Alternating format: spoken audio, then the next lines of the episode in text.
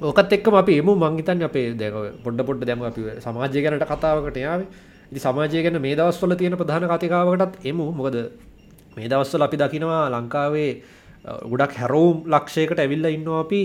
කියන්නේ අපේ ජීවිත කාලය තුළ අපි දකින මමිතන්න ප්‍රධාන මමිතන් පොෆෙසක නෙමේ මගේ සහ දසුන්ගේ ජීවිත කාලය තුළ අපිට තේරුමක් ඇති අවදියක ඉදම් සිද්ධ වෙන දේවල් වලින් සෑහෙන සන්ධස්ථානයක් විදිර අපි දකිනවා මේ. මදන්න එක ඒ විදිර දකින්න බලුවන්ද කියලා. නමුත් මට ඒක දැනෙනවා. ඒගැන්නේ අපි දේශපාලක්ඥයන්ටනය ගොඩක් රට විනාස කිරීම සම්බන්ධයෙන් ඇතරම ඒක ඒගොල්ලන්ටේ වගේම හෙම්ම පැවරෙන ගමන් අපි කතා නොකරපු සමහර අවස්ථාවද අපිත් සහය දක්වපු සහ සමාජය විසින් යම්කිසි පිළිගැනීමකට ලක් කරගෙන හිටපු කණ්ඩායම් කීපයක් දැන් එම පිළිගැනීමෙන් නැති වෙලා ගිල්ල ගොලන් යිසලේට තත්ව ඉල්ල දෙරම ගැන ෘති සමිතිය එතට මේ වෘතිය සමිති ව්‍යාපාරයේ යම් කිසි පසුබෑමක් මේ දවසර දක්නට ලැබෙනවා නේද ප්‍රොෆෙසමක හිතන්නේක පැහැදිලිවම සංජය. එකන්නේ මං ගැන ලිව්වා. ලිපි කීපයක් ලිවි වලට අමතර මං ඔය පොඩි පෝස්ට එකත්දාන සමහර ලිපිවලට කලින්. හිතදි මං කියන්න හැදුවේ අපේ වෘතිය සමිති අමත කරලා තියෙනවා. දැන් උක අධ්‍යාපනය වගේම තමයි. එක කාලයක් ගිහාම අපිට අමතක වෙනවා මේ අධ්‍යාපනය අපි දෙන්නේ මොකටද කියලා. විභාග පවත්වන්නේ මොන මොකටද කියලා. ග්‍රැජුවට් කෙනෙක් හදන්නේ මොකටද කියලා. ඔය වගේ තමයි වෘතිය සමිතියකට අමතක වෙනවා වෘතිය සමිතියක් පවතින්නේ මොකටද කියලා. මහිතන්නේ ලංකාවටත් වෙලා තියෙන්නේ ඒ වගේ දෙයක්. එක වෙලාවකදී ලංකා වෘතිය සමිතිව අන්තර් විශ්වවිද්‍යාල ශිෂ්‍ය බලවන්ලේ ගත්තත් මට දකිනවා. දැයිකුරන්ගේ පහුගේ කාලේ යම් යම් ප්‍රගතිශීල දේවල් තිබුණ. නමුත් සමස්තයක් විදියට ඇත්තටම ඔවුන් බොහෝ විට අමතක කරනවා ඔවුන් කවුද කියන එතකොට වෘතිය සමිතිවලටත් වෙලා තියෙන්නේ ඒගොල්ලෝ දන්නේ නැහැ ඇයි ඒගොල්ලො සටන් කරන්න කියලා. ගැන ගොඩ වෙලාවට මන් දකින්නේ වෘතිය සමිතිය යම්කිසි රටේ තියෙන මොක්හරි පක්ෂයක අතකොළුවක් වෙන ඊට පස්සේ ඒගොල්ලු වැඩ කරන්නේ ඒ ඒ පක්ෂයට අවශ්‍යදේ මං මේක ගොඩ කාලෙකි නන් දකිනවා මේ අද ඒ වෙච්ච දෙයක් නෙමේ ඊට පස්සේ එක එක වෙලාවකදී ඒගොල්ලන්ට සම්පූර්ණයෙන්ම අමතක වෙනවා වෘත්තීය සමිතියක් විදිහට ඒගොල්ලෝ කටයුතු කරන්න ඕනේ කොහොමද? දිනා ගන්න ඕනේ මොනවද කියලා. ඒ වෙනුවට ඒගොල්ලෝ අර පක්ෂයට අවශ්‍ය දේ දිනා දෙන්න උත්සාහ කරනවා. දැන් ඒක එක පැත්තක්. අනිත් පැත්ත තමයි බොහෝ වෘත්තීය සමිති ඉතාමත්ම ආත්මාර්ථකාමී මම නම් දකින්න ප්‍රධානම දුර්වලකමක් තමයි මේ වෘත්තීය සමිති. ඒ කියන්නේ එකක් තමයි ඒගොල්ලෝ අත ද උදාහරණයක් විදියට වෛද්‍යවරුන්ගේ වෘත්තීය සමිතිය ගත්තොත් එක කාලයක් තිබුණ ඒගොල්ලෝ සම්පූර්ණයෙන්ම අනිත් අයගේ වෘත්තීය කටයුතු වලට අත දැම්මා. ඒ වගේම ඒගොල්ලෝ වෘත්තීය සමිති ක්‍රියාමාර්ග ගන්න පටන් ගත්තේ ඒගොල්ලන්ට යම් කිසි ඒගොලන්ගේ කුලකයට යම් කිසි අසාධාරණයක් වෙනකොට විතරයි. ඊට පස්සේ වෙනත් කුලකයකට අසාධාරණයක් වෙලා ඒ පිරිස මුෘතිය සමිති ක්‍රියාමාර්ගයක් ගන්න හදනකොට මේගොල්ල එකට අපපුල් හෙඩුව එම එම අවස්ථා තිබුණා දැන්. සමසෞඛ්‍ය වලට එම ගත්තත් නේද? සමසෞඛ්‍ය එක්ලි සමසෞඛ්‍ය ෘත්‍ය සමිතිවලට එහෙම ඒගලන්ගේ අයිතිවාසකම් වලට එකගලු කතා කරනු ඒවකෙන හෙද හෙතියන්ගේ අයිතිවාස්කම් වෙනුවෙන් කතා කර එතන මේ ලස්සනම දෙයක් මට මතක ඩොක්ට මේ මේ මතක් කරන්න ඕන. කද ඒගුල මේ අර ත්‍රිය ඩිග්‍රියක ෆෝඩි ෝය ඩිග්‍රියක් කරනටත් විරුද්ධ වුණා. මන්දන් මටහිතාගන්න බෑ.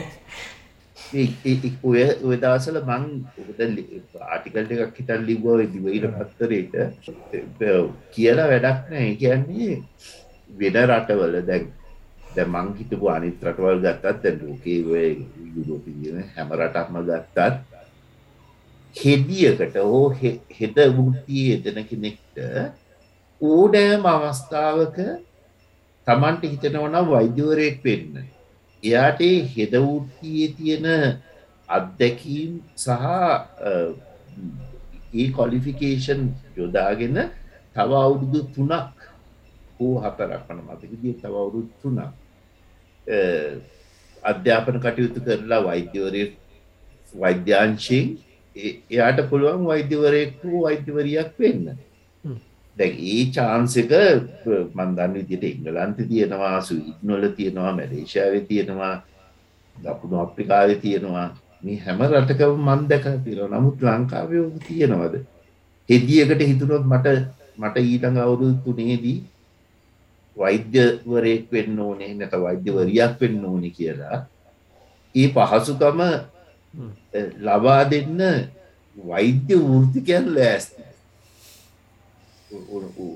වගේ වගේ මත නොක ලින්ක් බැක්කන අපි අපි කලින් කලින් කලින්ම කතා කරපු අපි මුලින්ම කතා කර ළමයි වෙන් කල්ලා තමන් ගොඩ යන ආත්මත්තකාම විදිහට ටීම්වක් නැතුව තමම්ම ගොඩ යන විදිහක් ගැන අපි අධ්‍යාපකමෙන් හදනවාගෙනක ඒකම විකාශනය ඒකෙම දිගුව තමයි යෝක ඒකෙම විකාශනයක්. කියන්නේ එන්න වර්ධනය වෙනවා. ගත සුකිවේ නැන ඒකම ඇඩ්වාන්ස් වේෂන් ඒකටිය කරම ප්‍රෆෙෂනල් විදිට කරන වැඩ. ඒකින් ඇබ ඒකින් අපිට පොයින්ට කරනේද එතන හැදුවත් උඩ හැදේ කියලා. අවුරුද්ධ හතුරකින් පස්සේ. මෙහම ඕක ගොඩක් කලාට ටොප්ට බොටම් තමයි වැඩ කරන්න. හැබැයි බොටම් ටොප් තමයි ස්තිර සාර්විසුම ඒ දෙක පට ගන්නරග මගේ බුද්ධලික අදහස තිර සාර්විසුදමන්නේ අධ්‍යාපනයෙන් තමයි. සස්ටේනබල් වෙන්න අධ්‍යාපනයෙන්. හැබැයි මේ චේන්ජක වෙන්න ඕන ටොප්ට බොට අපි ලීඩශිප් ලීඩශිප් ලීඩශිප් පහල මිනිසුට කියල හරියන්න මේ උඩ මිනිසු ඔක්කම රගන් කරනකට පහල් මිනිසුන්ට මේ මනාද මේ පෝලිම් පයින් එපා. මෙහම නැත්ත අපි මේ ලයිසන් එකක් ගන්න ගයාම නැත්තම් මොකරමේ මේක පාස් කරගන්න ගයාම මේ සල්ලි දෙන්න පාගල කියන්න බැහැ මේ ප්ලෑන් එක ප්ලාස් කරගන්න ගයාම. මොකද අර උඩ ඉදම් ඒකනම් තින්නේ මනුසයට සවයිවෙන් අමාරු ඒකම ඊට පස්සේ ටොප්ටු බොට මේ තමයි අනිවාරෙන්ම මේ ලෝක හැමදාම හරිගිල්ල තියන්නේ ඒක විතරයි. කවදාකත් බොටම් ටොප් හරිගිල්ල නෑ මේ හැබැයි බොටම් එක කරන්න එකමද රෙවලූෂන් එකක් කරන එක විතරයි. කෙනෙකුලන්ට පුළුවන් අර මේ නජ්‍ය එකක් දෙන්න මේ මිනිස එකතු වෙලා පාලක පක්ෂ මේට පණිවිඩියක්ද එතනින් පණිවිඩිය නම් දුන්නා. පණිවිඩිය දුන්නා.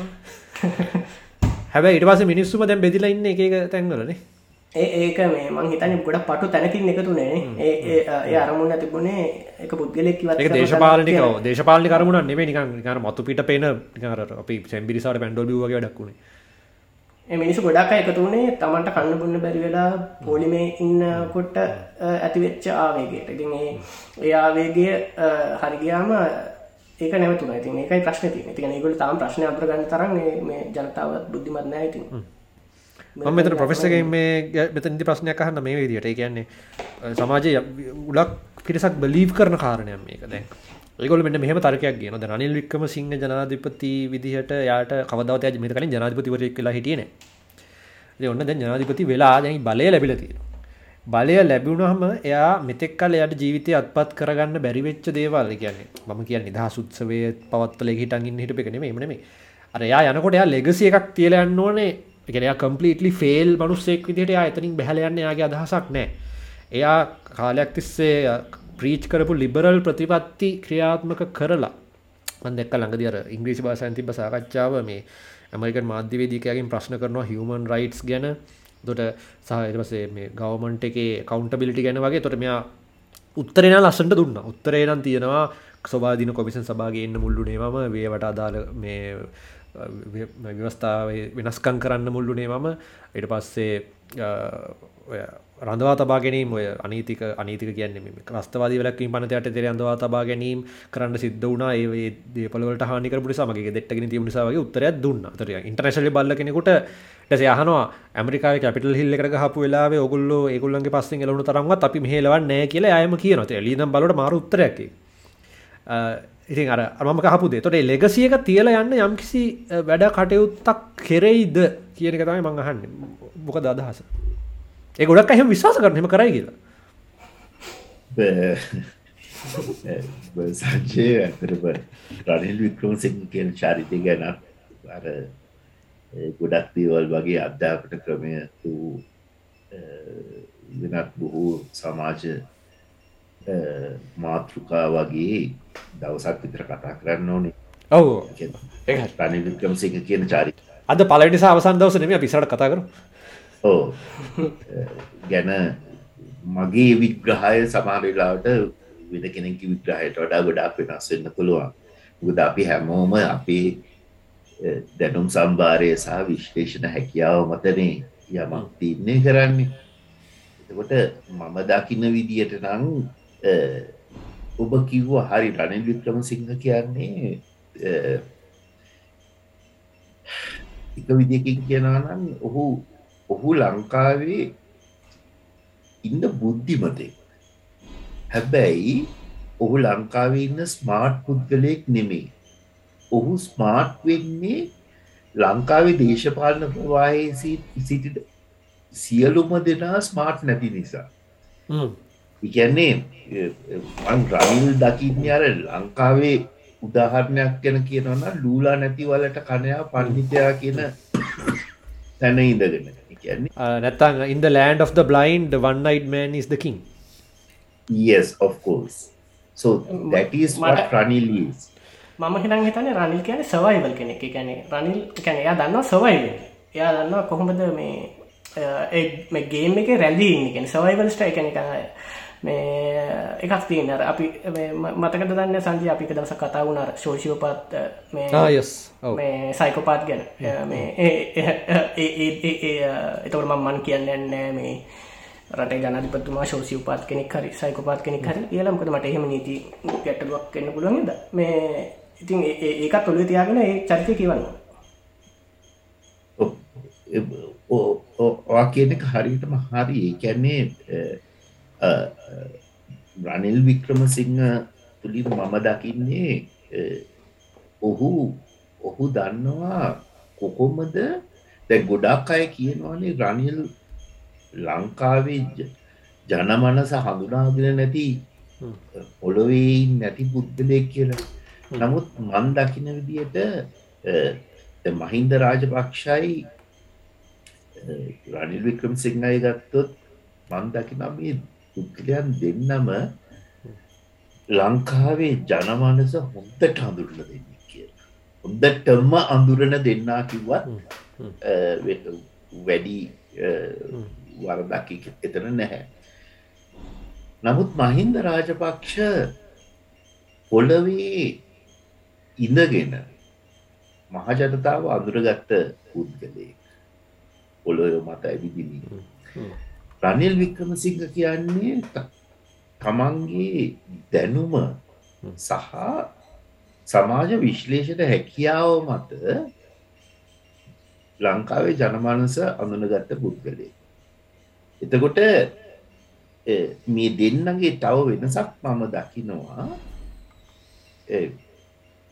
රනිල් වික්‍රමසිංහ කියන පුද්ගලයාගේ මානව හිතවාදී භාවය ගොඩක් අඩුයි.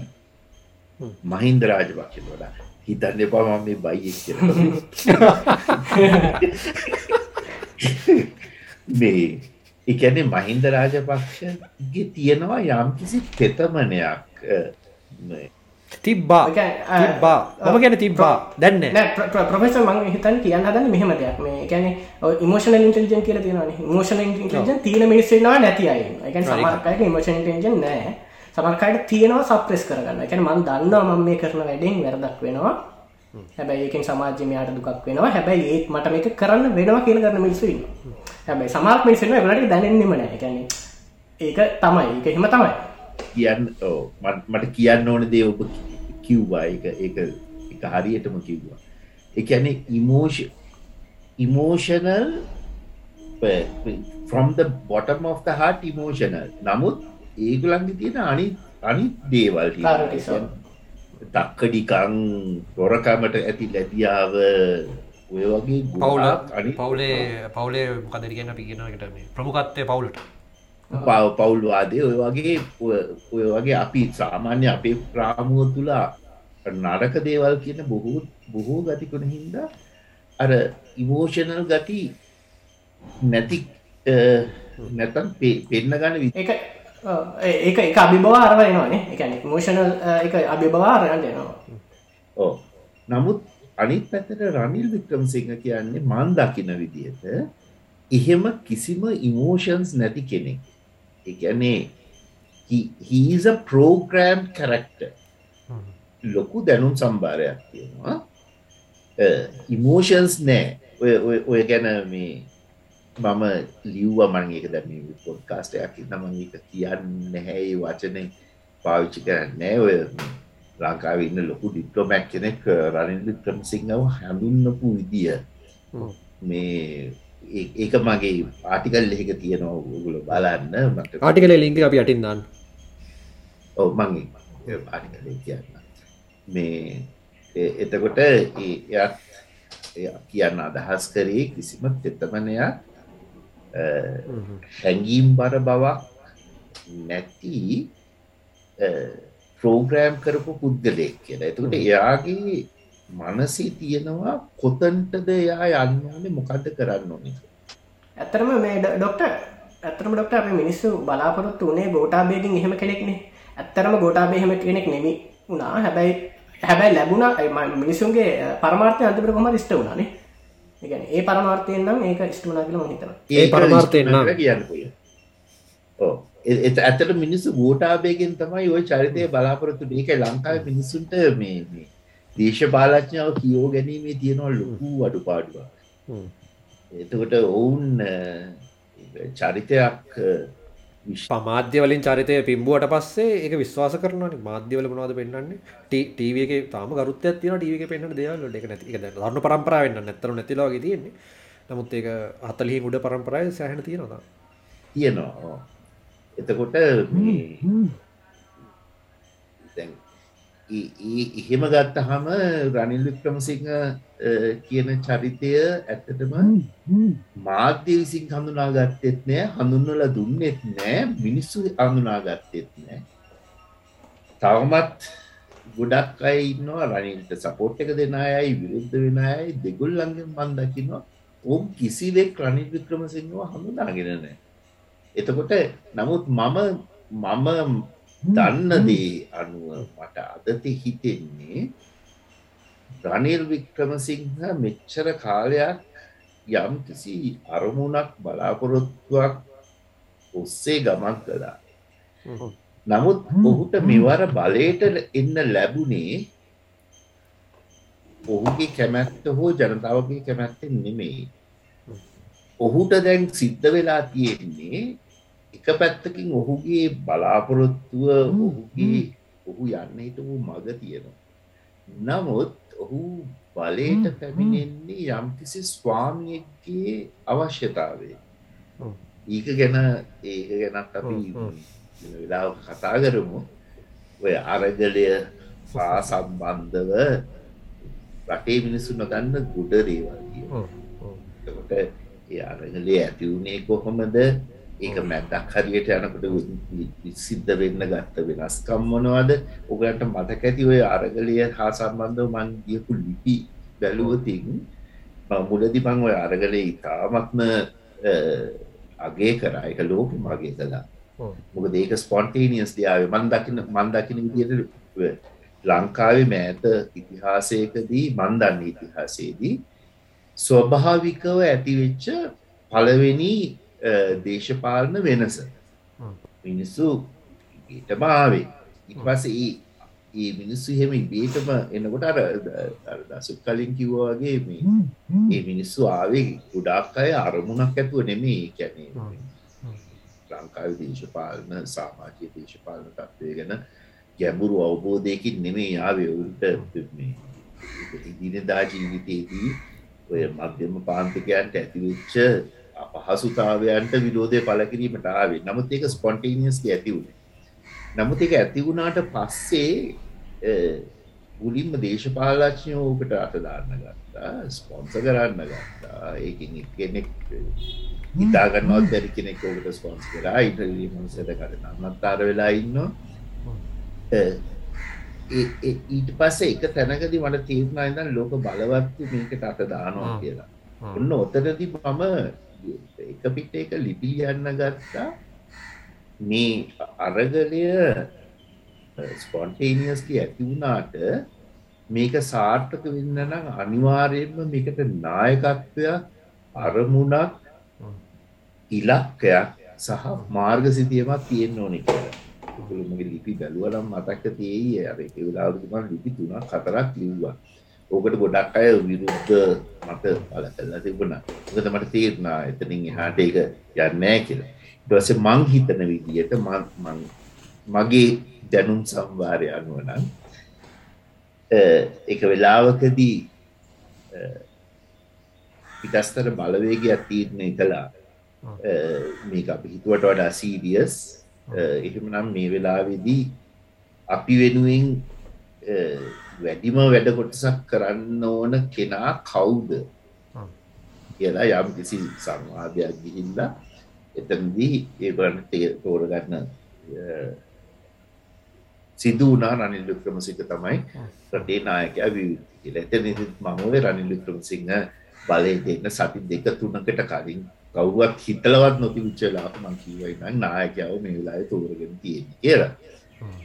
එතකොට දැන් එහෙම හැබැයි හැබැයි එතෙන්ද අපිට මෙහෙම දෙයක් තියෙන කියන්නේ අපි සාමාන්‍යින් කියනවා භූදේශපාලනික අර්ථයක් යටතේ ලංකා පාලනය වෙන්නේ ලංකාවෙන් නෙමෙයි කියලා. නමුත් ලංකාවේ මිනිස්සු දේශපාලනික සවිඥාන සවිඥානික භාවයකින් එකතු වුණොත් ඒගොල්ලන්ටත් කරන්න දෙයක් නැහැ. ඔව් මෙහෙමයි. එහෙම නොවිච්ච එක වෙනම කතාවක්. ඔව්, සංජය ඇත්තටම අපි එක වෙලාවක් පහු කරා. මම හිතන්නේ ඔය අපි අපි දෙන්න වුණත් ඔය අපි කතා කරගෙන ආවා ඕක ගැන. එක එක වෙලාවක් තුන නී පොයින්ට් එකක්. ඒ කියන්නේ ඒක පහු කරාට පස්සේ කරන්න නැහැ. දැන් මේ මේ අපි ගෙවන්නේ කරන්න දෙන්න. රටේම ජනතාව එකතු වුණත් කරන්න දෙයක් නැති වෙලාව. දැන් ඔය මොනවා කිව්වත් අපිට කරන්න දෙයක් නැහැ. දැන් බෑ. දැන් ඇතර මගතන රට ජනතාව එකතු කරන්න පුළුවන් තැන අපි පහු කරලා තියෙන නේද? ඒ කියන්නේ එහෙම එකතු වෙන එකක් නැහැ. ඔව් ඔව්. එකතු වුණා කියලා වැඩක් නැහැ දසුන් එකතු වෙන්නෙත් වෙන්නේ දසුන් කෙනෙක් එකතු වෙන්නෙත් නැහැ. කරන්න තමයි. ඔව්. දැන් අර අර- අර කාරණා ටික සමතේට පත්ත ලයිට් තියෙන මොන හරි තියෙනවනේ. අනිතක අප ලංකාව මිනිස්සන්ට ඕනේ මේ එගොල හිතන්නේ මේ තද පාලනයක් තියෙනව නම් හරි කිය ඉගැන ඒකන ගොට බෙන බලාපරත්ති වන තින් ඒක මේකෙන් ලැබෙනවා කියන ඒ- ඒක එගලගේ මිනිසගේ ඔලුවට ගිහිල්ල තින තම මේ මෙනු ගත් මිසන බොහොම ගත්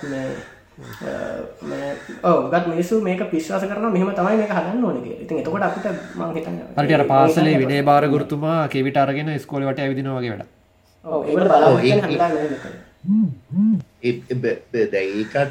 බ- දසුන් වෙලා තියෙන්නේ අ, ඕ- ඔගොල්ලෝ දැන් අපි අපි කොච්චර කතා කරත් පොඩ්ඩක් හිතන්න අවුරුදු දෙදාහක් දෙදස් පන්සියක් විතර රජ පාලනය තිබිච්ච රටක්. මේ අවුරුදු හැත්තාවක් හැත්ත පහක් විතර ඩිබොක්‍රසි කතාවක් ගෙරල්ලා ඇත්තටම මිනිස්සුගේ විඤ්ඥානය වෙනස් කරන්න අමාරුයි. කැන අපි තාම ජීවත් වෙන්නේ අර වැඩවසම් රජ කෙනෙක් හිටපු යුගේ ඒකන අපි හැමතිසම රජෙක් හොයන්නේ. එකන දැව ඕ ගැන පොත්පත් හිටන් හරියට ලිය වෙලා තියෙනවා කැනෙ. දැ ඇමරිකාවේ වනත් දැන් ඇමරිකාවේ වහල්ලු වහල් සේවය අයින් කරන්න යද්දී වැඩිම විරෝධයක් මතු වෙලා තියෙන වහල්ලුම. ඉතිං අ, එතකොට ඒ- ඒ ඒ වගේ දෙයක් තමයි දැන් අපි අපේ විඤ්ඥානය අකමැති අ, යම් යම් කිසි අ, පාලකෙක් ඕඩර්ස් දෙන්නේ නැත්තන් යම් කිසි පාලකෙක්ගේ අන පනත් යටතේ ජීවත් නොවී සිටීම ඉන්සිකයෝ කියන හැඟීම අපේ මිනිස්සුගේ ඒකට ස්වාධීනත්වයක් නෑ තමන්ට. එහින්ද තම කවරුහරි ඒක තමන්ට ලීස් ලේසි කරලා දෙනවන සා පාත්තක හදල දෙනවන ඒක ගමන් කරන්න පැහැදිලිව කැමැත්තකින් පැහැදිලුව කැමැත්තෙන් ඉන්න. දැ ඔය ඔය ඔය මෙන්ටලිටියක ඉන්න තමයි සංචය. මම මේ උදාහරණයක් දිට කියනවනම් ඔයා වගේ කට්ටිය බිහිවෙනවා ගොඩක් අඩු. මං ඔයා වගේ කට්ටිය කියන්නේ දැන් දැන්වා හිතන්න ලංකාවෙ ඔය ර- කීයෙන් කී දෙනෙක් කැමතිද කාගෙ හරි යටතේ කම්පනීක ජොබ් එකක් නොකර තමන්ගේ ව්‍යාපාරයක් ඔන්ටප්‍රිනෝශිප් එක පටන්ගන්න ඒ බය කියන එකන තියෙන්නේ ඔතන. අකමැත්ත සහ බය.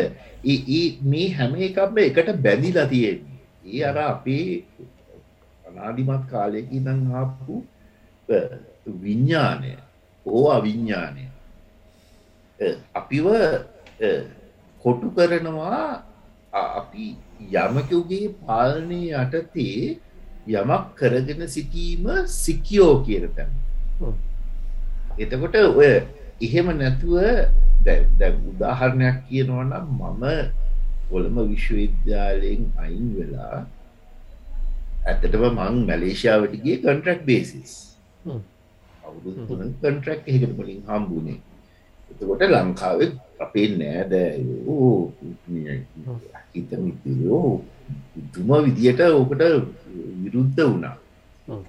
එකන්නේ මේ රාජ සෙමි ගවන්මන් ජොබ් එකන්න පර්මණන් ජොබ් එකත් දාලා මේ කන්ට්‍රක් බේසිස් මැලේෂයාවට යනවා කියලා. ඉතිං එතන්දි මට තේරනොද හැමෝම කියන්නේ ඔයා ගන්න මොන රිස්ක එකක්තරිය මේ ළමයි දෙන්නවත් ස්කූලෙන් අස්තරගෙන කරන දැන් ලංකාවි තර ළම ළමෙකු ස්කෝල කර දාගත්ත පස්සේ ඊට වඩා දෙයක් නෑ ළමයාගේ අනාගතය සුරක්ෂිත සුරක්ෂිත. දන්නන් ඩස්ටඩ් ළමයා ස්කෝට දීල දමපිය වගේ එක ගහල හදාගන්න දෙකින් මට තියෙනවෙදල් ලංකාව මිනිසු මොනතරන් ඉන්සිකයෝද කියලා තමන්ට පාල් පාලකයෙක් නැති වුණා. එකන්නේ පාලිතයෙක් විදියට ඉන්න තමයි දැ පාලිතරත් ගොඩක්න්න ඇතට පාලිතගෙන් නබේ තේරුමත් යමක්තුගෙන් පාලනය දෙන කිය පාලිතයිට ළමෙක් ස්කෝල්ට මේ ළමෙක් ස්කෝල්ට බාර දුන්නයින් පස්සේ අම්මල බලාපොරත්වයන ගහල හරි ළමය හදාගන්න කියලේ වගකීම පාසන්ට දීලා නිදහස්සෙන් ඒ මාර කියපු ඇතෙක් මතක ඒවගේම ඒක අනිප ඒකම කටඩික්ටරි බෙහවේ උත්තින තමන්ගේ ළමයා වැරද්දක් නෑ කිය තකට ගෙන අරපු අපි ගෙන මකර ගැටලුවක් උනහම තමන්ගේ ළමයාගේ වැරද්දක් නෑ කියනකත් ඒක ලොකොට පිළිගන්න බලන ඒක දෙකම කටඩික්ට ගන පටල ඉල්ල නෑ ඇත්තටම අධ්‍යාපනය ගැනත් ඒකත් වෙලාව අපි කතා කරමු. සංචය දැන් ලංකාවේ අම්මලගේ විශේෂයෙන් මම්මලගේ තාත්තලට වඩා. තියෙන ලොකුම දුර්වලකමම් මන් දකින්නේ ළමයාගේ සැබෑ තත්ත්වය තේරුම් ගන්න කැමති නෑ. එකන මත් කාලයක් මගේ තිබුණ ලොකු ටියෂන් කැරිය එක දැ ඒ කාලේ මන් දකින දෙයක් තමයි මං උත්සර්ව් කරපු දෙයක්. හැම්ම අම්ම කෙනෙක්ම තමන්ගේ දරුව ගැන එකම කතාවක් කියන්නේ. එකන්නේ සමහර ගොඩාක් දරුවන්ට ජීවිතයේ නොයකුත් අවස්ථාවදී හම්බෝච්ච ගුදුවරු හා ගැන්වීම ක්‍රම රටාව හින්ද වෙන්නති යමක් තේරුම් ගන්න හරි අමාරුයි. දැන් අපි සමාජයේ මැක්ටෝ කියලා කියන ළමයි කොට්ටාශය. එතකොට ඒ ළමයි ඇතටව ඒ මන්නන් කිසිම ළමෙට බැහැ කියලා හිතන්න නමුත් මේ ළමයි බැහැ කියලා සමාජගත වෙච්චායි එතකොට මේ ළමයින්ගේ අම්මල හැමතිස්සේම මට කියනවා එකන්න මේ මං ගුරුවරය. නමුත් ඒ ළමයා ගැන අම්ම තමයි මට කියන්නේ. අනේ බලන්නකොස මේ අපේ පුතාට හොඳට පුළුවන් කිසිම උන්වනාවක් නෑන එතකොට මේ හොඳට මොලේ තියෙන ළමයා කිසිම ඌමනාවකින් වැඩගන්න උඹනාව තියෙනවන්න පන්තිය පලවෙනිය වෙන්න පුළුව ඉතින් ඒක ඉති මගේ හැමාමටම කියන්න ඔවු. මහත්මිය කියන්දේ හරියටම හරි. මේ ළමයට හොඳට පුළුවන් පන්තිය පලවෙනියා වෙන්න මේ වැඩ කරන්න. එක තමයි වැඩේ කියලමකද මට අම්මගේ හිත පිද්දන්න ඕන් නැතිහින්ද නමුත් ඇත්තටම වෙන්න ඕනේ. දැ එහෙම කියලා ඒ ලම්මන් දන්න ඒ ළමයට ප්‍රේශ කරනවා ගහනවා. පාඩන් කරපා පාඩන් කරපම් පාඩන් කරපක් කියලා. නමුත් ළම හැමදාම ෆිල් ඉටවස මං පොඩ්ඩ පොඩ්ඩ ඒල අම්මලාගේ හිත හදනවා. එහෙම නෙමී ළමෙක්ට අපි නිදහසේ හිතන්න දෙන්න ඕනේ. ළමයට මේ විෂය ගැන ආදරයක් කැමැත්තක් ඇතිවෙන්න ඕනේ කියලාට බලෙන් එක දෙන්න බෑ කියලා. ඉතින් මම ගොඩක් වෙලාට ඒගොල්ලෝ කියන විදිහටම කියනවා. ඉන්නම් මෙයාට මේ කිසි වමනාවක් නැති වෙලා තියෙන්නේ. මේ මෙයා මේකට කැමැත්ත අපි කැමැත්ත ඇති කරමු. ඉතින් ඕක තමයි ඔය අම්මලගේ කතාව. මේ නැවතත් අපි අමුකද අපි ඔත්තෙන්ට ආවේ මේ පාලිතගේ. පාලිත දැන් අපි දැන් ඔය පා පාලිතරත් එක්කද මේ කාලේ තියෙන එක දැන් අපි අපි මිනිස්සු බලාපොරොත්තුනේ යම් කිසි කෙනෙක් දැඩි පාලනයක් ගෙනියයි කියලා දැන් ඒක ලැබෙමින් පවතිනවා. ඒතර දැඩි පාලනයක් තුල ඔන්න දැන් ලංකාවේ ලාභ ලබන සහ ලාභ නොලබන රාජ්‍ය ආයතන පෞද්ගලීකරණය වෙමින් පවතිනවා. ඒතර කාලයක් රාජ්‍ය දැන් මේක දෙපැත්තක් තියෙනවා. කියන්නේ රාජ්‍ය ආයතන ලාභ නොලබන ව්‍යාපාරයක් විකුණන්නත් බෑ. එහෙම වුණොත් ණය ටික රජයට තියාගෙන ඉතුරු ටිකට ඒගොල්ලෝ වග කියයි. නමුත් ණයත් එක්කම නිදි ගන්න තරම් මොඩෙක් ඉන්නවා කියලා මම හිතන්නේ නැහැ. මේ අවස්ථාවේදී තව කට්ටියක් අර පැත්තේ යනවා රජය ව්‍යාපාර කළ යුතු නෑ. ඒක ඔයගොල්ලෝ කරන්න ඕනේ ෆැසිලිටේට් සහ රෙගියුලේෂන් කියන එක. ඔය දෙකම අපි කතා කරන සබ්ජෙක්ස් ඔය දෙකම අපි කතා කරන ඒරියාස් ලංකාවේ බෙට බිස්නස් බෙට් ඩුයින් බිස්නස් ඉන්ඩෙක්ස් එක ඒ වගේ ගොඩක් දේවල් ලංකාව පහළ ඉන්නේ අපි වාතාවරණ ඇති කරන්න ඕනේ රජ්‍ය ව්‍යාපාර වලින් ඈත් වෙන්න ඕනේ. ඉතින් මෙතන ගොඩක් කට්ටිය මේකට පක්ෂව දැන් සමාජයේ මතයත් සැහෙන පුදුමාකාර ලෙස ඒකට සපෝටිව් දැන්. එතකොට මොකද මේ වෘත්ති සමිතිවල බලය බිඳ වැටීමත් එක්ක. එතකොට දැන් ගැටලුව එන්නේ මේ මේක ප්‍රයිවටයිස් වෙනකොට ඒ ප්‍රයිවටයිසේෂන් හොඳයි කියන අතර ඒගොල්ලෝ ඒගොල්ලන්ගේ මේ පොඩි පොඩි කම්පනිසිගෙන ඒක මේ විකුරණ කට්ටියගෙම යම් යම් සම්බන්ධතා තියෙන කම්පනි අපි දැක්ක දැන් ෆේස්බුක් එකේ වගේ පෝස්ට් කීපයක් ඒ අනුසාරයෙන් මේ කතාව අපි කියන්නේ. તો අපි නිර්මාණය කරගන්නේ අපි දැන් නිවුස් වලත් මේක දකිනවා.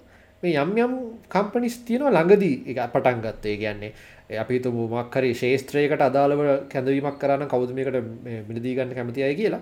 ඒ ශේෂ්ත්‍රයේ කාලයක් හිටපු අත්දැකීම් තියෙන රෙපියුටඩ් කම්පනිස් අතරින් පතර එනවා. අලුතෙන් ඒ ශේෂ්ත්‍රයට කිසිදු සම්බන්ධයක් නැති ලක්කො ළඟදී පිටවා ගත්ත නැත්නම් මෙතෙක් කල වෙන දෙයක් කර කර හිටපුවා එක පාට දැන් මේකට එනවා. එහෙම අයව ලිස්ට් කිරීමවත් කළ යුතු නෑ මොකද මේවට අදාළ සුදුසුකම් බැලුවොත්. එහෙමනම් කොහොමද මේ ලිස්ට් වලට මේ නම් එන්නේ? තමයි මට ආපු ගැටලුව මම හිතන්නේ දසුන්ට අදහසක් ඇති මේ ගැන. ඔව් ඒක නම් ඇත්තටම ඒ කියන්නේ මේ දැන් උතන මට හිතනවා මේ අපේ මිනිස්සු මේ ප්‍රයිවටයිසේෂන් වලට කැමති වෙලා තියෙන්නේ වැරදි හේතුවට. පුද්ගලිකව මම ප්‍රයිවටයිසේෂන් වලට කැමතියි. අපේ ලංකාවේ මිනිස්සු ප්‍රයිවටයිසේෂන් වලට කැමති වෙලා තියෙන්නේ ලංකාවේ මිනිස්සුන්ගේ තියෙනවා මේ කෙනෙකු ගොඩක් වෙලාවට අඩු ආදායම් තියෙන අයගේ තියෙන ප්‍රශ්නයක්.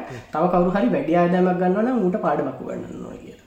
එතකොට මේ දැන් ඔය පෙට්‍රෝලියම් එකේ කට්ටිය උද්ඝෝෂණය කරලා අයින් කරන එකට අපේ ලංකායි මිනිස්සු ඒගොල්ල අයි කරනවට කැමති ඒගොල්ල ලාබනවට නෙම ඒගොල බෝනස් කරන්නවට ඒගොල පඩි ගන්නවට සහ ඒ තියෙන ඉරිසියාට එතකොට ප්‍රයිවටයිශේෂන් වෙන්න නතම හැබැගොල්ල ප්‍රයිවටයිශේෂනකට කැමති වෙලා තියන්නේ මේ මිනිසුන් දැමුම් වැඩ කරන්න ඇතුව තම පඩිගන්න මුම මට්ටු කරනගෙන අදහසින් ප්‍රයිවටයිශේෂන් ගැන හිතන්නගිය ඒගාවට ප්‍රයිවටයිශේෂනට විරුද්ධ වන කටේ විරුද්ධ වෙන්න වැරදි හේතුවලට ප්‍රයිවටේෂන් වලට විරුද්ධ වෙන කට්ටිය විරුද්ධ වෙන්නේ මේ මොකද මේකින් අපේ සමරක් සිකරිටික නැතිවේ ගැන සමක්ලට මේ පෙට්‍රෝලියම් එක එලියට දුන්නතින් අපිට මේ හදිසියකට මේ පනද ඇම්බියඩන්සේකටත් තෙල්ටික් ගහගන්න බැරිවී ඒගාට ඒගොල්ලෝ එකතු වෙලා ඒගොල්ලෝ එකතු වෙලා අපිව කන්ට්‍රෝල් කරයි අපිව මොනොපොලි එකක් වගේ මේ පිටරට කට්ටිය මේ මෙච්චර කල් රජය අපිව මොනොපොලියක් විතර කම්පල් මේ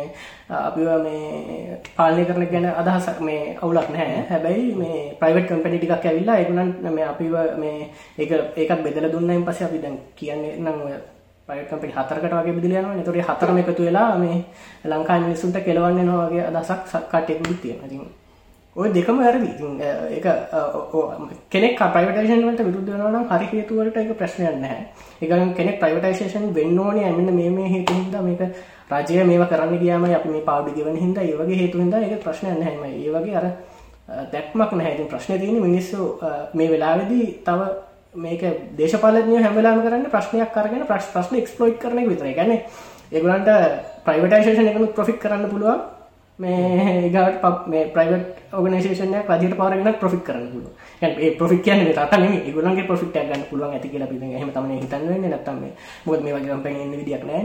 මේ මේ ඒ පොසෙස්යක් හරි හැදන්න දියන්න එතකොට මේ ඒ එතන තම ගැටනු තිී පචුටි පේනවාද මෙතන මේ පැත්තම ගේීමක් ගහන්න පුළුවන් කියෙන මෙච්චර හපුගේම ද පොඩ්ඩක් අයමගේ බලපෑමත් එක්කත් යම් කිසි විදිහකට කරගන්න බෑ. එන අපි ඔල්ටනේටව එක විදිහට මේ ක්‍රමේම ගිහිල්ලා මේ ක්‍රමේ අපි හැක්කරමු වගේ එකක්තම මෙත යන්නේ ඇත්තම අයිමස් කියපෙනට තවදයක් කියන්න අප මිනිස්සු බලාපොරත්වයන අයිමස් එකෙන් මේ රජය මට්ටු කරාවී කියන එක. වැරදි. අයිමස් එක ඉන්න එකොනොමිකල් පැත්ත ගැන විතර එතකොට රටේ කොහොමද බදු ගහන්න ඕනේ? රටේ කොහොමද ඇතුළේ තීරණය ගන්න ඕනේ කියන තීරණය තියන්නේ රජයට එතකොට වගවීම තින රජට එගුල්ල කියන්න අපිට නම්බස් ටිකක් විතර දෙන්න. ඔගොල්ලො රජය වීදන් අඩු කරන්න එගොල කියන්න කොහොම අඩු කරන්න? ඒක ඒක රජය තියරන එගොල්ලොන්ට රජයට පුළුවන් ඕන්නම් රජය වීදන් අඩු කරන්න මේ බිල වැඩි රේෂය වැඩි කර රජයට පුලන් ක්‍රම දෙගත් තින එක්කෝ ටැක්ස් වැඩි කරනවා එක්කෝ රජ වීදන් අඩු කරන ගොල සිම්පල් වේදම් අඩු කිරීම වෙන්න නෑ. අන ඔත රජ සිම්පල් තීරණකට යනවා ටැක්ස් වැඩි කරනවා. ඒවා එතකොට ඇතරම තොට රජය හොත් කියන අරගුල කිව අපිට මේ මනද රජය ආදායම් වැඩි කරන්න හරි ආදායම් වැඩි කරන්න ඕනේ තමයි. හැබැයි රජය වේදම් අඩු කිරීම යටතේ නෙමෙයිද මේ ප්‍රයිවටයිසේෂන් පැත්තට ඒක හරි. ඒක තමයි. ඒක ඒක පාවිච්චි මම කියන්නේ ඒකත් පාවිච්චි කරන ඒගොල්ලෝගේ වාසියට ඒක ප්‍රයිවටයිසේෂන් කියන එක වෙන්න රජ වේදම් අඩු කිරීමට. ඒක අනිවාර්යයෙන්ම වෙන්න ඕනේ ඒක කරන විදිහේ ප්‍රශ්න තියෙනවා. ඒකට මේකට නැෂනල් පොලිසි එකක් හැදෙන්න ඕනේ. ඒ කියන්නේ ප්‍රයිවටයිසේෂන් වෙනකොට කොහොමද අපේ රටේ හදිසිය හරි දැන් හොඳ වැලිඩ් තර්කයක් තමයි ප්‍රයිවටයිසේෂන් වලට විරුද්ධ වෙනකොට මේ මේ මේ නැෂනල් සිකියුරිටි එකට බලපෑමක් වෙන්න පුළුවන්. ඒ මේ එතකොට අපි යම්කිසි පාලනය කරන පුල ස්ටේක එකක් රජයක් තියාගෙන ඉන්ඩෝන මේ බල ශක්තිය සහර කලාවට එක එක අඩුම තරම පාලනය කෙසේ වෙතත් බැකප් ලෑන් ඇති අපි අරග ලොක්කොම ෂටව් ෂඩ්ඩවන් කර හරි එමනත්තන් ඔය කොවිඩ්ඩගේ අපි දන් අපි හිතාගන්න බැරිදි වෙලාවකදී අපිට මාස තුනකට අපිට ප්ලෑන් එකත් තියන අපිට ෆුඩ් සිකරිටි ගත් තිබුණ මෙච්චකාල මේ කොවිඩ් දෙනකම් අපි මේ වගා කරන රටක් වුණත් එතකොට එහෙම ප්ලෑනක් නෑන එතකොට ඒ ප්ලෑන තියෙන්න්න ඕන. ඒ ප්ලෑන වෙනයි මේ ප්‍රයි මේක ප්‍රයිවටයිශන් වෙන්න ඕනි කෙනෙක වෙනයි. දේදක මම නම් දකින්න විදිට සමකට මොකද හිතන්නේ? ප්‍රොෆ් මොකද මම දැක්ක ප්‍රොෆෙස ලියලා තියෙනවා MPP එකේ කෙනෙකුල්ලන්ගේ ස්ට්‍රටජයකට යම් පක්ෂපාති අදහස් දීලා තියෙනවා මම දැක්කා. ඒගොල්ලොත් කියන්නේ මේ ප්‍රයිවටයිසේෂන් කියන එක කියන්නේ ඒගොල්ලෝ ප්‍රසිද්ධියේ ලොකු ප්‍රකාශනිකුත් කරන්න යන්නේ නැහැ. හැබැයි ඒගොල්ලෝ ඒකට විරුද්ධයි කියලා කියලාත් නැහැ. හැබැයි ඒගොල්ලෝ කියනවා ප්‍රධාන ශේෂ්ත්‍ර කීපයක් නම් අනිවාර්යෙන් රජය යටතේ අජේ යම් පාලනයක තියෙන්න ඕනි කියලා. ඒක යම් කියන වචනේ ඩිෆයින් කරලත් නැහැ මම ප්‍රසිද්ධිය නම් මම දැකලා නැහැ සමහරට ප්‍රතිපත්ති ප්‍රකාශවල ඇති මච්චර ගැඹුරට කියන ප්‍රසිද්ධිය කියන කතාව වලින් එහෙම තියලා තිබ්බේ නැහැ. මමත් ඕක ගැන ඒගොල්ලන්ගේ ප්‍රසිද්ධිය ප්‍රශ්නයක් ඇහුවා මේ ඔය දෙවෙනි කොටස ගැන. ඔය මේ වෘත්තීය සමිති වලින් දැන් ඕගොල්ලන්ගේ ආණ්ඩුවක් ආපු දවසට ඕගොල්ලන්ගේ වෘත්තීය සමිති තමයි ගොඩක් ප්‍රබල වෙන්නේ. ඒතර ඕගොල්ලෝ කොහොමද මේ වෘත්තීය සමිතිත් එක්ක වැඩ කරලා කාර්යක්ෂමතාවය ගොඩනගන්නේ කියන එක ගැන මම ප්‍රශ්නයක් ඇහුවා. ඒතකොට ඒකට ඒගොල්ලන්ගේ උත්තරේ හැමතිස්සෙම මම කියනකට ඇල්මරණු උත්තරයක් කියලා. ඒගොල්ලෝ ඩිරෙක්ට් කියන්නේ නැහැ ඒ ඒ සම්බන්ධයෙන් දැඩි පියවර එහෙම කියන්න බෑ ඒගොල්ලන්ට. එහෙම තියෙනවා ලිමිටේෂන් එකක්. ඒතර මේ සමස්ත තත්ත්වය ගැන ප්‍රොෆෙසර් අයිඩියක් මොකක්ද? සංජය උතන මුලින්ම අපි අවබෝධ කරගන්න ඕන දෙයක් තමයි ඔය දැන් මම හරි ආසයි දසුන් ප්‍රශ්න දිහා බලන විදියට. ඒ කියන්නේ දැන් මොකක් හරි අපි කරන්න යද්දි මුලින්ම අපි බලන්න ඕනේ ඇයි අපි ඒක කරන්නේ එහෙම නැත්නම් අපි මේ ප්‍රශ්නේ අහන්නේ කියලා. මම හිතන්නේ එතනින් පටන් ගත්තාම අපිට ගොඩක් ක්ලියර් වෙනවා ගොඩක් දේවල් ගැන. දැන් මුලින්ම අපි කතා කරමු ඔය රජය බිස්නස් කරන්න ඕනේ කියන කතාව එතකොට ඒක හරි මාත් ඒක පිළිගන්නවා. එතකොට නමුත් අපි පටලව ගන්න තැන තමයි සමහර ක්ෂේත්‍ර ඇත්තටම බිස්නස් කළ යුතු දේවල් නෙමෙයි කියන. දැන් උදාහරණයක් හැටියට අපි රටේ ප්‍රවාහනය බලශක්ති ආහාර සුරක්ෂිත භාවය සන්නිවේදනය පවා. ඔය ඔය ඔය ප්‍රධාන කාරණා ගත්තදී මේවා රජයක් විසින් මේ ලාභ උපයන්න කළ යුතු දේවල් නෙමේ එකනේ දැන් දැන් සමහරු දාන තර්කයක් තමයි අර අපි සදන් හයිවේක ගත්තොත් ඒකට මෙච්චර වියදමක් වැය කරා. ඒක රිකව කරගන්න අවුරුදු හතලිහක් යනවා පණහක් යනවා. එහෙනම් මේ කරලා ඇති වැඩක් ඇත ඊට පස්සේ අර අපි අර ලයිට් ්‍රේල්වේ එක ගැන කතාකරොත් ඒකටත් සමහරු ගණන් හදලා කියනොන්න මේකට මෙච්චර වියදමක් යනවා. ඕක රිකව කරගන්න මෙන්න මෙච්චර කාලයක් යනවා. අවුරුදු හතලියක් පනාත් සීයක් යනවා. වැඩක් තියෙනවා. මහිතන මේක සම්පූර්ණයම වැරදි තර්කයක්. මොකද ඔය රටක තියෙනවා ප්‍රධාන අපි පිලාස් නැත්තම් කුළුණු කියලා කියනවා රටක් රටක ජාතික සුරක්ෂිත භාවය නැතන් නැශනල් සිකවිටි කරන්නා පවතින. ඒ කාරණාටික කෙරෙන්න ඕනේ බිස්නස් එකක් විදියට නෙවෙයි මහජනතාවට සේවයක් විදියට. දැ කනිජ තෙර නීතිගත සංස්ථාව ගත්තොත් නැතම් බල ශක්තිය ගත්තොතින් අපි බලශක්තිය කියන එක රටට දෙන්න ඕනේ. ලොකු ලාභයක් රජෙට් ලබා ගන්න නෙමෙයි. එක පාඩු නැතුව ගෙනියන තත්ත්වකට තියාගන්න. ප්‍රවාහනය වනත් එහෙමයි සංනිවේදනය වනත් එහෙමයි. මොකද ඇතටම ඒක ලාභයක් කියන එක රටට ලැබෙන්නේ මේ ඉන්දන ටික විකුණලා ගන්න සල්ලි වලින් නෙමෙයි. එහෙම නැත්තන් දැම් පාරක යන මෝඩ රතෝලින් මෙච්චර ගානක් අය කරලා ලාභයක් ලබා ගන්නවා කියන එක නෙමෙයි. ඒතන කතාව තියෙන්නේ. යන වාහනේ වෙන්නේ මොකද්ද? යන වාහනේ යන කෙනා ගිහිල්ලා කරන්නේ මොකද්ද කියන එක. එයාට ඉතුරු වෙන කාලය යා කරන සේවා පද්ධතියම නිසා සමස්තයක් වශයෙන් රටට කොච්චර ලාභයක් ලැබෙනවද කියන එක. ඒ කියන්නේ දැන් අපිට බලන්න ඕනේ හරි නම් දැන් සදන හයිවේ එක ගත්තදී ඒ හයිවේ එක දාන්න කලින් වාහන කොච්චර දුරක් ගියාද? එතන තෙල් කොච්චර පිච්චුණාද? මිනිස් ශ්‍රමය කොච්චර වැය වුණාද? ඒ කියන්නේ මිනිස් පෑගානක් පාරට දිය වුණාද ඒක කොච්චර දුරකට වර්ධනය වුණාද එමනත්තන් ඒක හොඳ වුණාද මේ හයිවේක දාන නිසා එකෙන් බිස්නස් කීයක් තව වැඩි වුණාද ඔය වගේ රාශයක් තියෙනවා දේවල් බලන්න එතකොට සමස්තයක් වශයෙන් මුළු රටටම එන ලාභ ගුඩ තියෙනවා ඒ ඒ කරන ව්‍යාපෘතියක. ඒක මේ මේ වාහන පාරයන වාහනට ටිකට් කඩ්ලා ලාබ ලබනවා කියලා හිතන දෙයක් නෙවේද සංවේදනයත් ඒ වගේ. ආහාර සුරක්ෂිත භාවය ගත්තත් ඒ වගේ. බලශක්තිය ගත්තත් ඒ වගේ. බල ශක්තිය කියනකට නව මුල් තරම් උදාහරණ තියෙනවා. ඒක මේ මේ සීබ එකෙන් යුනිත් ගාන්ට කඩ්ලා සල්ඩිගන් අරගෙන රට දියුණු කරනවා කියන එක නෙමේ කියන එක කියන්න. අනන්තවත් තව ලාභ තියෙනවා. එතකොට CEB එකේ කළ යුතුව තිබුණේ මේ ආයතනය පාඩු නොලබා යම් කිසි ලාභයක් තවාගෙන හොඳ සේවයක් රටට දෙන විදිිය තත්ත්වක තියාගන්න. එතකොට ලාබ ලබන්න යන එක තීරුමක් ඇති වැඩක් නෙවේ ඔය කියන ලාබ ලබාගන්න විජුලාභයක් ලබාගන්න. එතකොට මුලීම් අපි ඒක තේරුම් ගන්න. එතකොට එහෙමනම් මේ ආයතන පවත්වාගෙන යාමේ අවශ්‍යතාවය තියෙන්නේ රටට සේවයක් ලබා ගැනීම ලාබ ලබා ගැනීම නෙවේ මේක මුලින්ම අපි අවබෝධ කරගන්න ඕන. ඊළඟ දේ තමයි දැන් අද වෙලා තියෙන තත්ත්ව ගත්තුතින් ඔත්තන්ට තමයි මං එන්න හැදුව අර ඉස්සෙල්ලා සංජය. රනිල් වික්‍රමසිංහ ජනාධිපති වෙනවා. ඒ ජනාධිපති වෙන්නේ රටේ මිනිස්සුන්ගේ කැමැත්තෙන් හෝ ඔහුගේ විශේෂ හැකියාවක් ඉන්න නෙමෙයි. ඒ වෙලාවෙදී යම් කිසි බලවේගයකට තිබිච්ච එකම ඔප්ෂන් එක ඔහු. එතකොට මට හිතෙන විදියට මේ වෙනකොට රනිල් වික්‍රමසිංහට බැහැ ඔහුගේ සියලු සිහින ඔහුට ඕන විදියට කරන්න. ඔහු යම් ස්වාමියෙක් යටතේ ගමනක් යන පුද්ගලයකටේ ස්වාමයට අවශ්‍ය විදිර තමයි මේ සියල්ලම සිද්ධ වේ.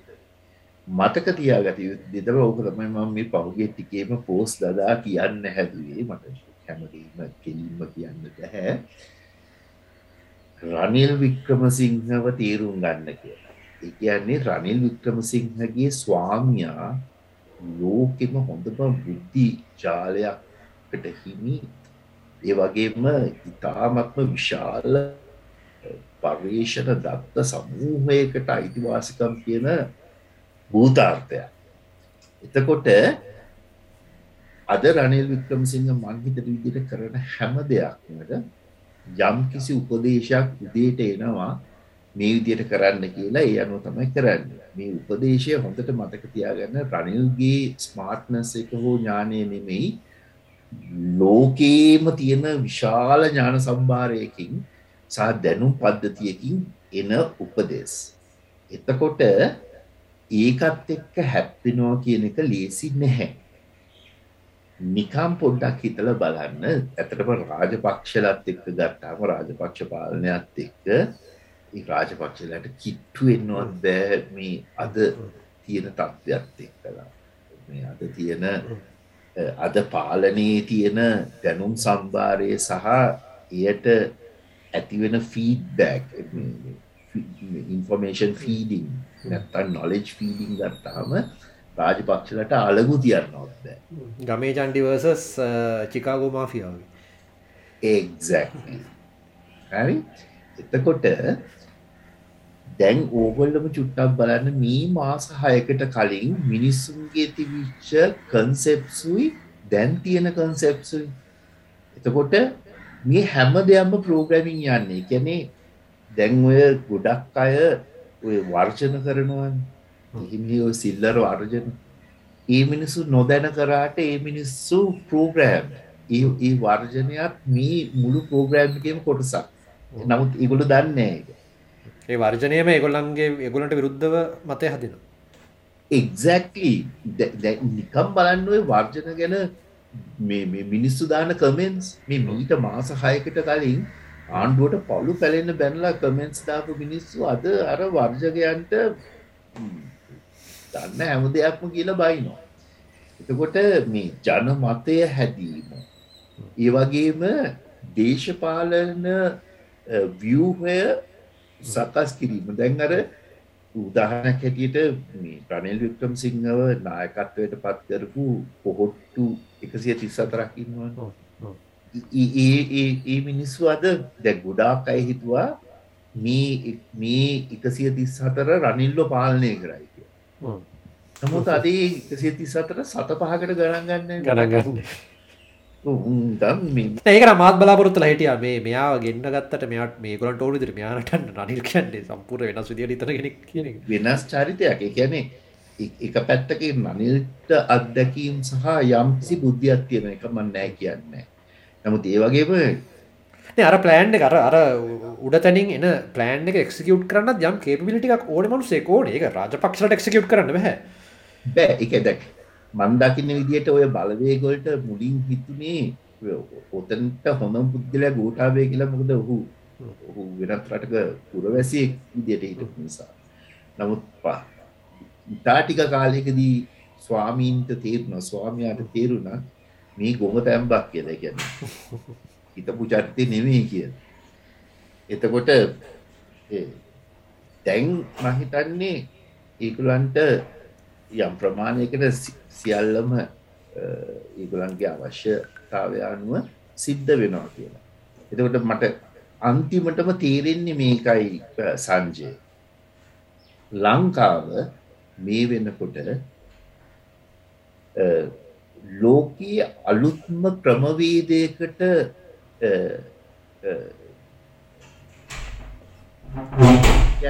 ක්‍රමවේදයක් අත්හදා බලන නියන්දියක් සාම්පලයක් මට හිතන විදියට.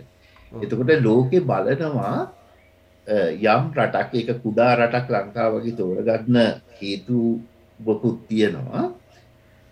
සමාගම් කීපයක් විසින් රටක් පාලනය කරන්න ගත්තතින් ඇතිවෙන තත්ත්වය මොකක්ද මිනිස්සු ඒකට මූුණ දෙන්න කොහොමද? මිනිස්සුගේ ප්‍රතික්‍රියාමනවාද ඒ වගේ ලොකු පර්යේෂණයක් සිද්ධ වෙනවා කියලා මට හිතෙනවා. මට හිතෙනවා. ඔබ කියන කතාව මේ මාර ගැබුරු සහ භයානක කතාක දිරතය මට පේන්නේ. පුකද ඔය සම්බන්ධ අපි විධ තැන්වල අහලා තියෙනවා. එක ඔය ඉංග්‍රීසි චිත්‍රපට කතා මාලාවලත් ඕකේ පිළිබඳ යම් ඉංගි ලබා දෙනවා. ම දැක ලඟදි චමත් පලිය පිටියත් ඔය වගේ ලයින් එකක් කතා කරලා තිබ්බා ඇත්තම ෆිය කෝපරේෂන්ස් ගවනින් දියන්ටය වර්ල් කියන එක. දැන් ඔබ කියන්නේ ඒක ඇත්තරම පොඩි නියදීකට ඇප්ලයි කල බලනවා.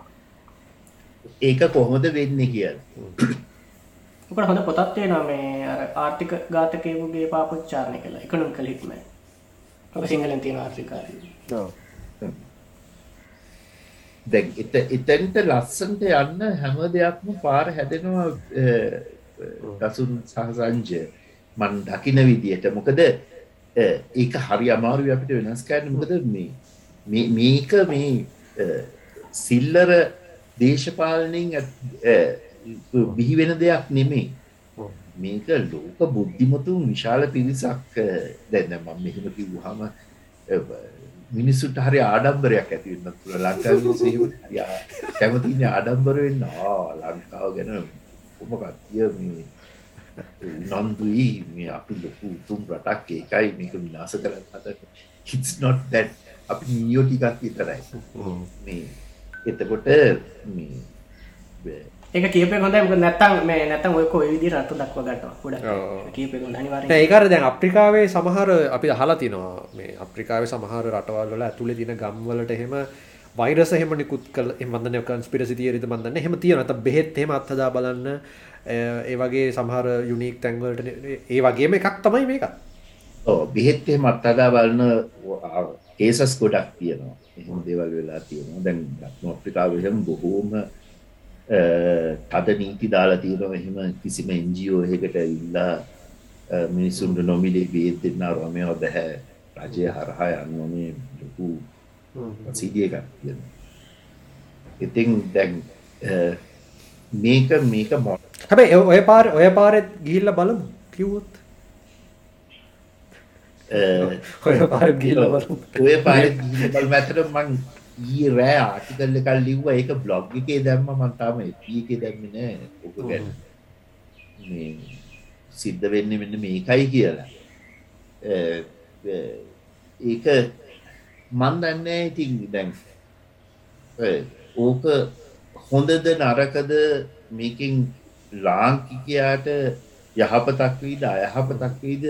මේ කිසි දෙයක් ගැන මටනම් හිතාගන්න බෑ. නමුත් මට මන්දන්න එකම දේ තමයි ඒකින් යහපතක් වුණත් අයහපතක් වුණත් හොඳ වුණත් නරක වුණත් අපිට මේක වෙනස් කරන්න බෑ.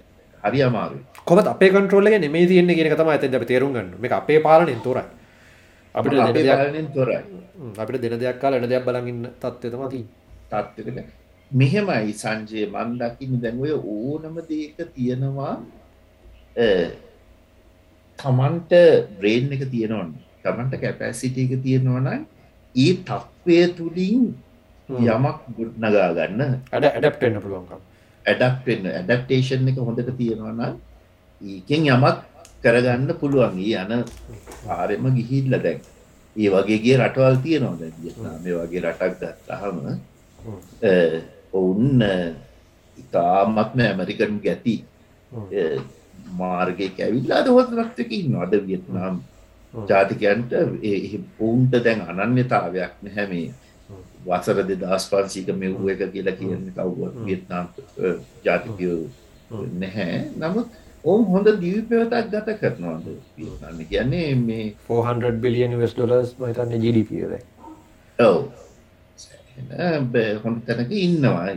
වියත්නාම් ජාතිකය. නමුත් ඔවුන්ගේ අර මෙව්ව එක ඔවුන් විසික් කරලා ඉවරයි. තොට ම දැන් මන් දන්න තුට කෙනෙක් මකින් ඇහුවත් ඒක හොඳ දෙයක්. ඒක විසික් කරපුය අයිඩොන්නෝ ඒක ඒක තිීක්නය කරන්න ඕනි වියට්නාම් ජාතිකය. එතකොට මට හිතනවා දැන් ලංකාවත් ඒ තත්වට යන්නේ දැන් එක තමයි ඔය ස්වාමියා උත්සාහ කරන්නේ බලන්න මේ පර්යේෂණය තුළින් ලංකාව වගේ රටක්. දැන් ඉන්දියාවට ලංකාවගේ රටවල් ගොඩක් තියෙනන ස්පේශලි ආසියාව. එකන යම්කිසි සංස්කෘතික ඉතිහාසයක් නැතම් සංස්කෘතික රෙකෝඩ් එකක් තියෙනවා. මිනිස්සුන්ගේ මානසිකත්වය තුළ ජන විඤ්ඥානය තුළ විශාල හැඟීමක් තියෙනවා තමන්ගේ ඉතිහාසය සහ සංස්කෘතිය ගැන. ක්‍රියාව යොදනවාද නැද්ද කියන වෙනම දෙයක්. නමුත් ඔවුන් සිතෙන් මවාගෙන තියෙන තොට මෙහෙම සමාජ පද්ධතියකට අර වගේ කම්පනීසොලින් පාලනය කරන තත්ත්වයක් ඇති කලොතින් මිනිස්සුන්ගේ ප්‍රතික්‍රියාව ඒ ප්‍රතික්‍රියාව වෙනස් කරන්න පුළුවන්. ඒක ස්මූත්ලි එක තැනකින්නම් තව තැනකට ගෙනියන්න පුළුවන් මංහිතන මේ වෙනකොට ඔවුන් ඔවුන්ගේ යම් යම් දේවල් ගොඩක් සාර්ථක වෙලා තියෙනවා. සමාජ්‍ය මාධ්‍ය තුළින් දකින්න මං ඔවුන්ගේ ගමන මේ වෙනකොටන සාර්ථකයි. හොඳ එන මහිතන් අද සැහනලාවක් කතා කර. මතන්නේ මේක එපිසෝඩ් දෙකට යන්නේ. කලින් එපිසෝඩ් ගේ සති විශකාශය වුණ. මේක අද තම විකාශය වුණේ ඉතිං මේ ඔස්සේ අපි ඉදිරියට කතා කරනවා. ඒ වගේම තවත් මාතෘකා ගණනාවක් ටෙක් සහ අයිට රිලේට වෙන අතරම අපි දේශපාලික පැත්තත් පොඩක් කතා කරන ලෝක යන දිශාව සහ රට යන දිශාව. තිබට කතාරන බැරිච ඇතිබ එතමයි බ්‍රික්ස් කියන මාතෘකාව. ඒගැන්නේ ලෝකයේ බලතුරනය සිද්ධ වෙන්න අලුත්ම කදවරක් ඇවිල්ල තින මේ බ්‍රික්ස් කියන මාතෘකාව. ති අප ඒකටත් ඉදිරියේදී ප්‍රොෆෙස ගෝමස් එක්කත් සම්බන්ධ වෙලා මේ ගැන අපි කතා කරමු. අවසාන වශයෙන් දසුන් අලුත් මත්නෑ බෙක් සන්නවනට බෙක්ස් දැන් ටික කර නිවස් හදන තැනකට ඇවිල හදකට දෙක ළඟදී මේ ඩියවලපන් බෑංක එකත් එක් කලා ගොඩක් චලෙන්ජස් යනවා. දැන් IMF එකටයි වර්ල් බෑන්ක් එකටයි එකට කම්පිටිටව් බෑන්ක් එකක් විදියට අනිතය ගොඩක් රටවල් දැන් අමාරුව වැටිච්ච රටවල් බොහොම මේ උනන්දුවත් දක්කනවා ඒ සම් අපිට අපිට අපිට ගිල්ල එකත් අපි අස්සන් කරන්න දී ඕ අපේ ඕනකට සයින් කරන්න. ඒ ඒකට හැබ ඇතර මේක සයින් කරන්න ඕනේ. අපි එක වෙනම කතා කරන්නේ ඇතර කතා හරි. එන අද සම සාකච්චට සම්බන්ධව හැමට ස්තුතියි. මහරි කමස් තිරන යටින් දාගෙන යන්න. ඒවගේම චානලක සබස්ක්‍රයිබ් කරන්න. ඉසරහටත් ඔයාලට සහ අපිට අපිටත් මේ වගේ දෙ මත් අද සෑහන දේවල් ගෙනගත්තා ඒවගේම මං කීප දේවල් ප්‍රොෆෙස කීප දේවල් දසුන් කීප දේවල් වලට ඇදගත් එන්නති එන අපි ලබන සති හමුවමු රැඳිලා ඉන්න මනස් ගාතත් එක්ක. එනම් ප්‍රොෆෙස බොම ස්තුතියි දසුන් බොම ස්තුතියි.